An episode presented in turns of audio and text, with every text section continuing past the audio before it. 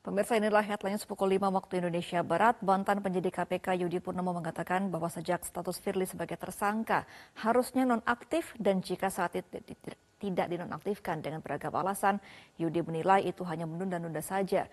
Menurutnya jika Firly tidak segera dinonaktifkan maka yang rugi adalah KPK itu sendiri.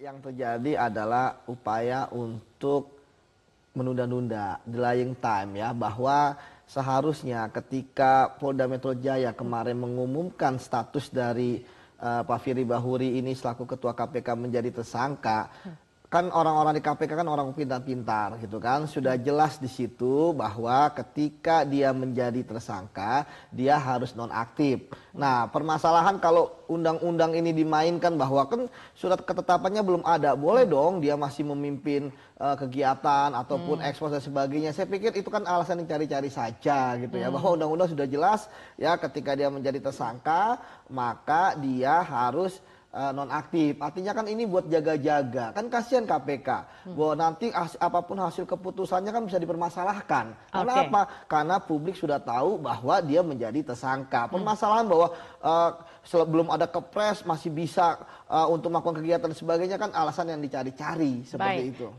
Jelajahi cara baru mendapatkan informasi. Download Metro TV Extend sekarang.